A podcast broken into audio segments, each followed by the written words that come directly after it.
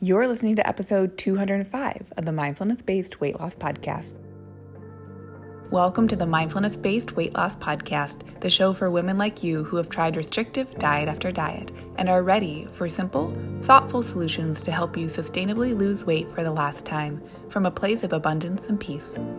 If you're looking to end the yo yo of comfort eating and rigid weight loss protocols and instead step into living your life mindfully on your terms while losing weight in the process, you're in the right place. Hey, party people! Welcome to the show. I am so glad you are here and I just really appreciate you. I wanted to let you know that if no one has told you that recently, you are hearing it from me. I appreciate you and I think we're going to have a great, great show today. I am currently sitting down as I record this podcast, and my dog is on her little doggy bed next to me, and she cannot be more blissed out. She is sleeping in a strong beam of sunshine. and I don't know about you, but if you have dogs, I don't think I'm trying to think it to the dogs I had growing up. We had two dogs. They were both schnauzers, which I still find so darn cute. Um, and my dog, who is also very cute, mind you, she, my current dog, is a pit bull slash Australian cattle dog mix. I kind of think all the dogs are cute. I definitely do not discriminate when it comes to dogs. I think I love them all. Um, but Never have I ever seen a dog love to sunbathe the way I've seen my dog love to sunbathe. She has like a pink little cute belly all year round. And then the summer comes and she will lay out in the sunshine so much that her pink belly will turn black. Like, I've never seen a dog actually tan before until I met and continued to hang out with my dog.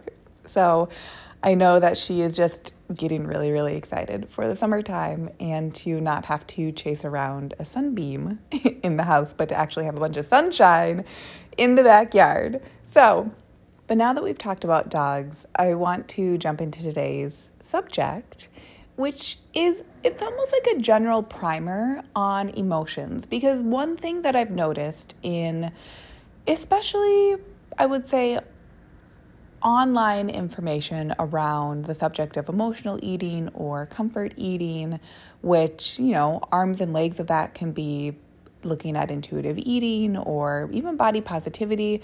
All these subjects are different, but I do think they have a lot of overlap and then when you you know also add on the subjects of weight gain and weight maintenance or weight loss or healthful eating or just any subjects around food you nutrition change etc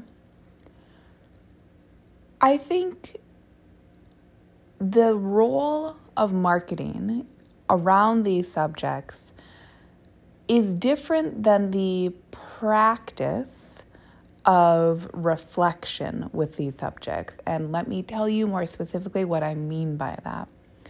So, today's episode, I wanted to get this one posted because I do think that we as a culture have painted a picture of emotional eating that very much aligns with some all or nothing thinking.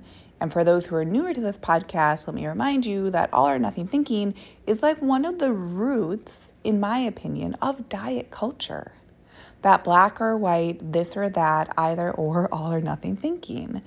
And when we become habitualized to think about really any subject in our lives, but especially food, nutrition, body change, etc., in all or nothing ways, it really to me is so dehumanizing because all or nothing, for the most part, is an illusion.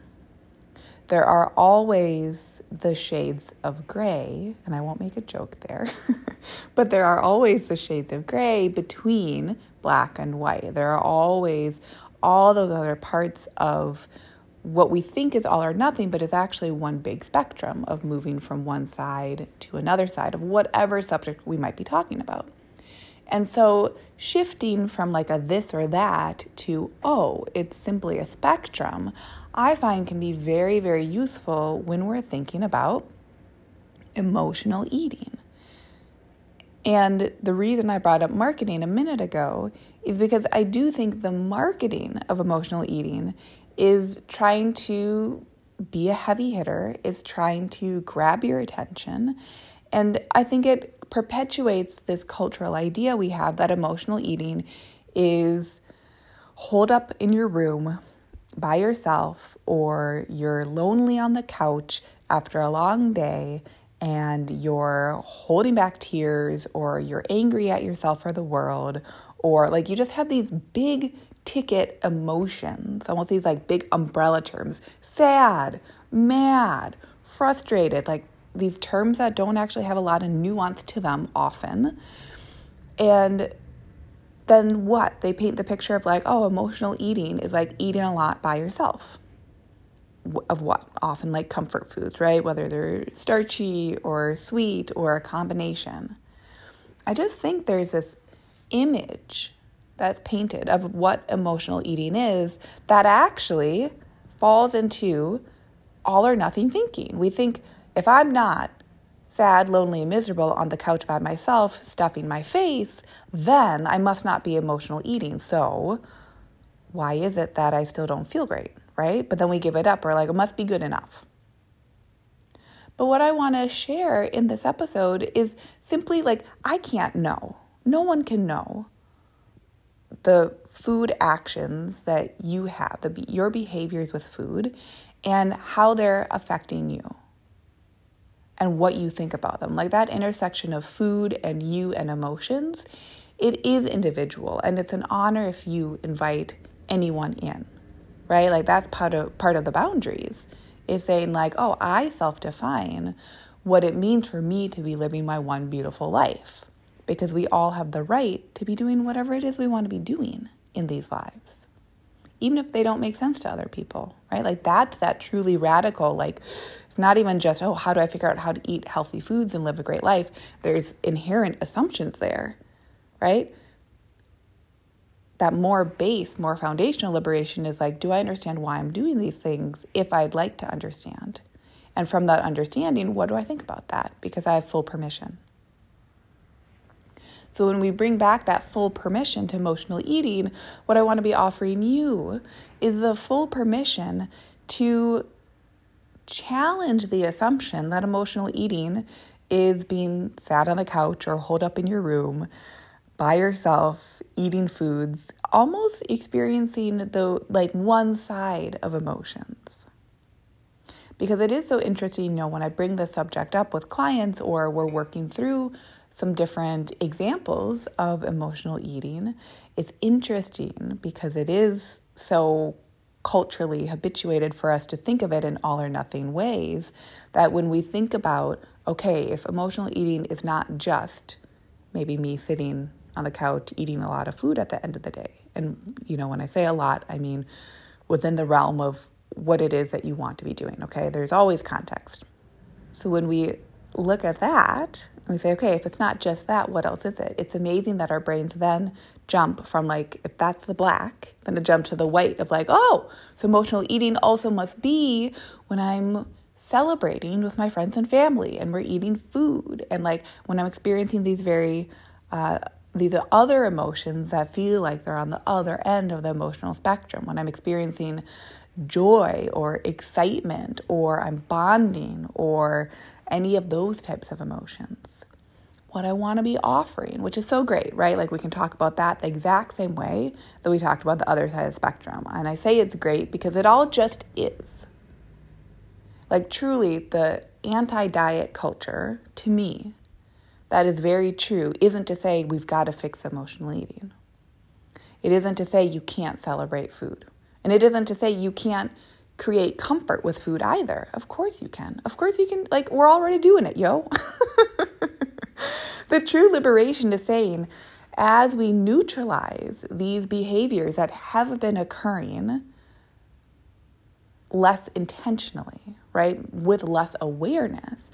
As you're doing this work here of cultivating the awareness, now that you have generated awareness, what is it that you would like? I truly believe everyone has a right to comfort eat, to emotionally eat, to celebrate with food, right? Like that isn't the actual issue here. The issue is when there's a difference between what someone is saying that they desire and the action that they are taking. And if there's a gap between those, that usually is what we see boils down to the discomfort.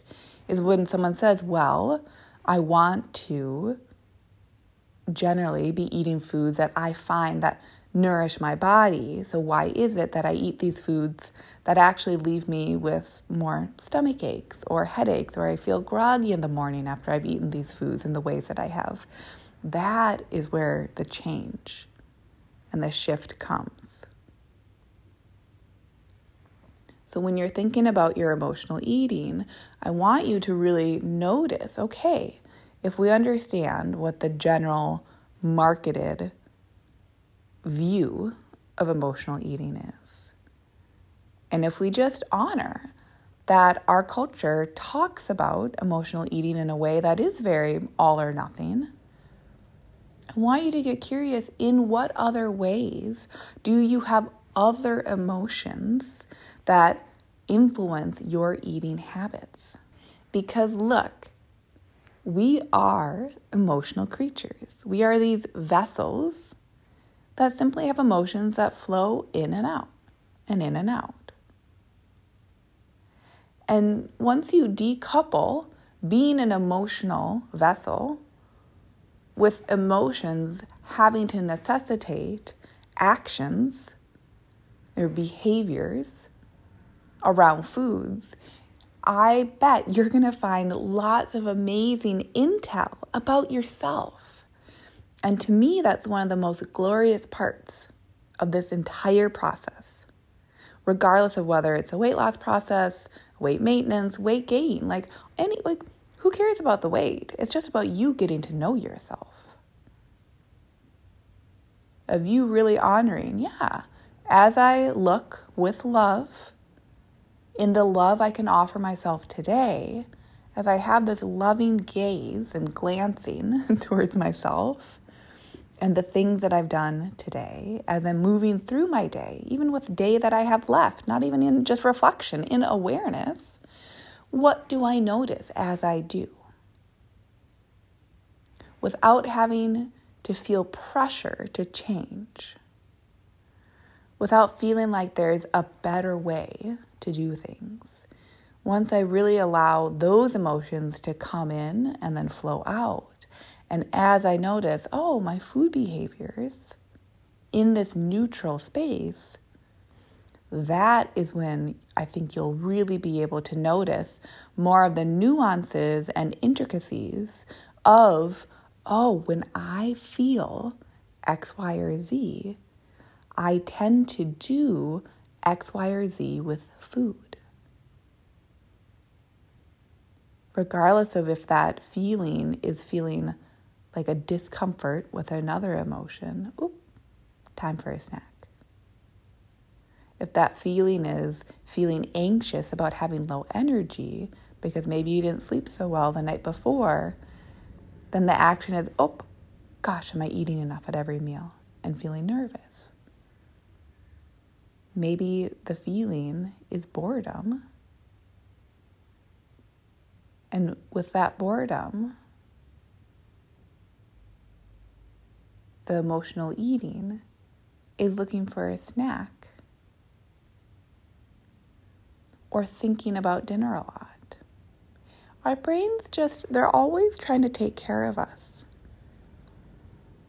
And we, when we look at emotional eating on any part of the spectrum from that lens of, hey, why is my brain and my body trying to caretake me right now? What is it feeling like we're not experiencing? And what is it trying to offer us as an experience based on its information that it has right now in this very moment?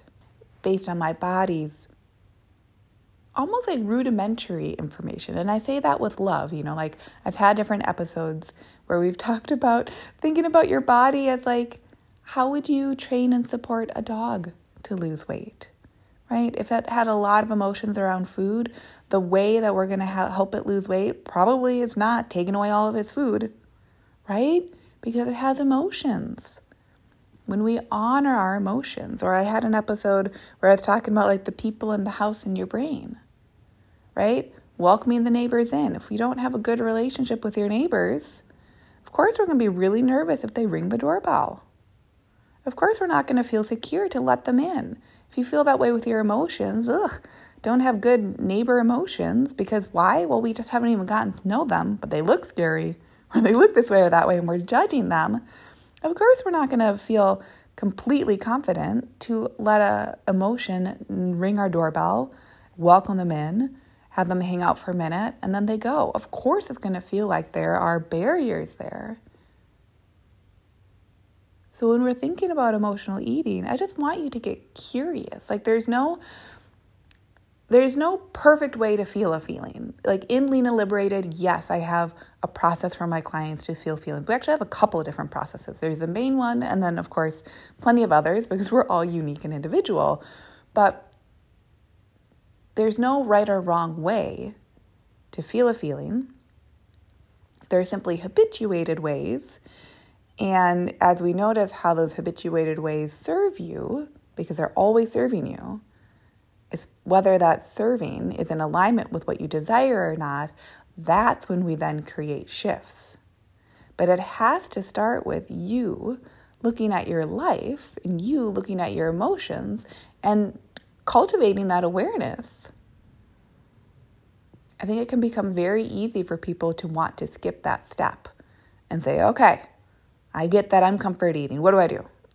and it's like, no. I mean, sure, yeah, ask the question, but like, listen, we've got to slow our brain's roll of really saying, I'm experiencing emotional eating. In what places specifically do I feel emotions? What typically happens? What do I currently think about that? Where is that coming from? And can I love that first? Because that is how you will create loving change is by loving what is and what is happening now first. It's exactly like the loving yourself down the scale episode. You don't just find love for yourself at a lower weight, at your goal weight. It doesn't happen. I bet a lot of us here have lost weight, right? You've, you've lost weight before, you've accomplished the goal, and then it feels good for a minute or a day or a week. And then if you never practiced how to feel good about yourself, why would you put that expectation on a goal to do that work for you? Same thing here with emotional eating. It's not about just taking away the emotions forever and ever or feeling every emotion and expecting yourself to get really good at it. The truth of the matter is, emotional eating is simply you creating awareness of how you're in your life and loving yourself for how you're in your life. That is the root where authentic shifts and changes can then like root down, take hold, and support you in creating loving changes as needed and as desired instead of trying to fix your life or fix your emotions or put a band aid over the emotions or just not even pay attention to them because if I have to pay attention to them, then that must mean that there's something wrong or bad. No. Listen to me. Whether you're new here or you've listened to the show for a long time, there are no bad emotions.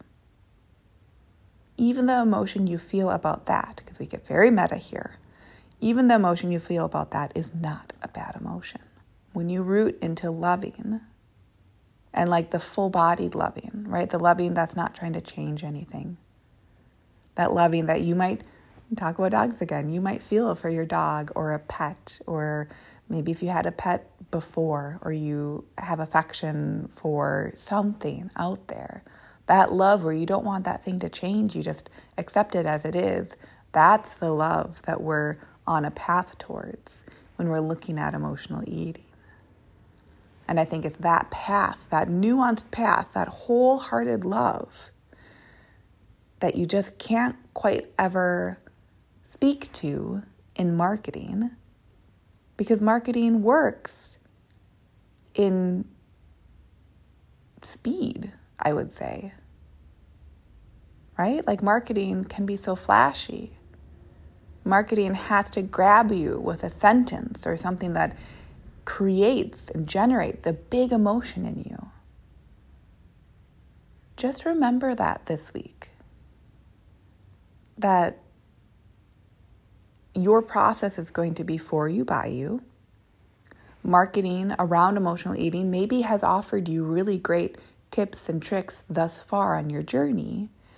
And now, if that's feeling like it's kind of helped, but maybe not totally helped, the next step might be ah, and now I offer myself the nuance of when else do I feel emotions around my food? How do those emotions prompt me to take action with my food? Am I feeling aligned with those? Do I desire a difference in those? That nuance is just, it's, I don't see it spoken to a lot in marketing. And then people who are being marketed to are then left wondering, well, why isn't this emotional eating plan, which almost is ironic, or like a, you know, just not actually a thing. But why is this emotional eating plan or framework or intuitive eating plan or anti eating plan, why isn't it working for me? Well, the marketing can only bring you so far, I think. Because marketing because marketing can't know you. You know you. And I bet there is nuance there when it comes to your emotions. And I bet that that nuance has been beautiful and it has brought you to this very moment, which is incredibly sacred. So, if we can honor that nuance, that's my hope and purpose with today's episode. Is really to say, like, let's let's stop trying to fix things or stop trying to knowingly or not habitualize the conversation of emotional eating being this all or nothing black or white thing, you're either doing it or not, you're always having emotions. And if you haven't identified as an emotional eater and yet you're having a relationship with your weight that isn't where you want it to be, I want you to question is it because I've only seen emotional eating spoken about in all or nothing ways? Because I bet you as a human, you're having a broad spectrum of different emotions. So there might be more of those nuanced emotions that need your loving attention and awareness. So I want you to play with that this week, to play with the nuance of, like, yeah, I have emotions. Cool. I'm always going to have them. They're not going anywhere. But the more that I feel them and I'm aware of them, the more opportunity I have to get to know them and for them to be those friendly neighbors that I actually want to hang out with because I see their utility, I see their purpose, and I can integrate living with them in such a way that I move towards my goals instead of feeling distracted from or overwhelmed by or out to sea with what's going on for me in my life. So that's today's episode. I hope it found you so well. I'm excited for you to be practicing what I shared over this last 20 minutes with you. And I cannot wait to see you on next week's episode. Until then, have a great one. Bye. Hey, if you love today's show, I'd love for you to take a minute and give a rating with a review. If you too are ready for more women to make life choices from loving mindfulness, that means we need more women listening to this message so they know it's available to them and they can do it too. And if you're ready yourself, come join Lean and Liberated, where we'll work together and you'll learn how to take this process to the next level in your weight loss goals, life desires, and beyond. Go to luciahawley.com, that's L U C I A H A W L E Y.com to connect.